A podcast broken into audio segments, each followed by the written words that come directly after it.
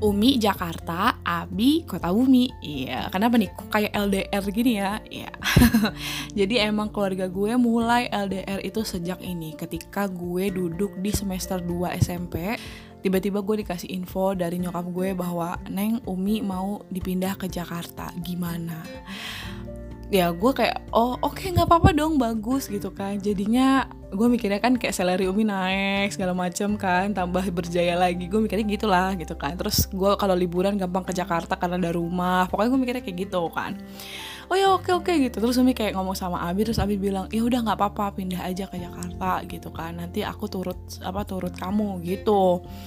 Nah akhirnya diurus lah itu seminggu di rumah diurus diurus seminggu di rumah eh ternyata pas lagi ngurus itu bokap gue dipindah ke kota bumi dong. Ya emang sebelumnya juga di Waikanan sih cuman kayak lebih jauh lagi gitu loh. Dan ya maksudnya kan sebelumnya kan ada nyokap gue gitu kan. Nah ini sekarang kan nyokap gue udah terlanjur menerima ke Jakarta terus bokap gue dipindah ke kota bumi. Gue kayak apa apa gue tuh mikirnya bokap gue bakal dipindah ke provinsi gitu loh karena udah lama banget kan di daerah. Ternyata enggak yaudah ini bokap gue di kota bumi nyokap gue ke Jakarta. Udah duh kalang kabut. Jadi jarak tuh kayak sebulanan gitu. Tapi kan suratnya udah jauh-jauh hari kan.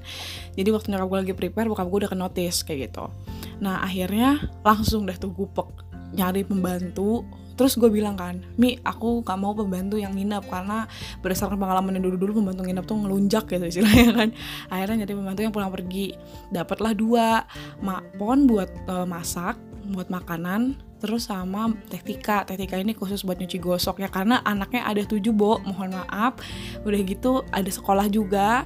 Ya udah ganti bajunya banyak gitu kan. Jadi sehari cuciannya banyak. Tolong digaris bawahi ya guys. Umur gue itu adalah berapa tuh? SMP kelas 1 masih. Paling pusing tuh ya kalau misalnya pagi-pagi cuy mau berangkat sekolah. Karena kan adik-adik harus dapat uang jajan. Sedangkan uang jajan adik-adik kan kayak sepuluh ribu lima belas ribu gitu-gitu kan. Nah uang yang gue pegang kan seratus ribu lima puluh ribu.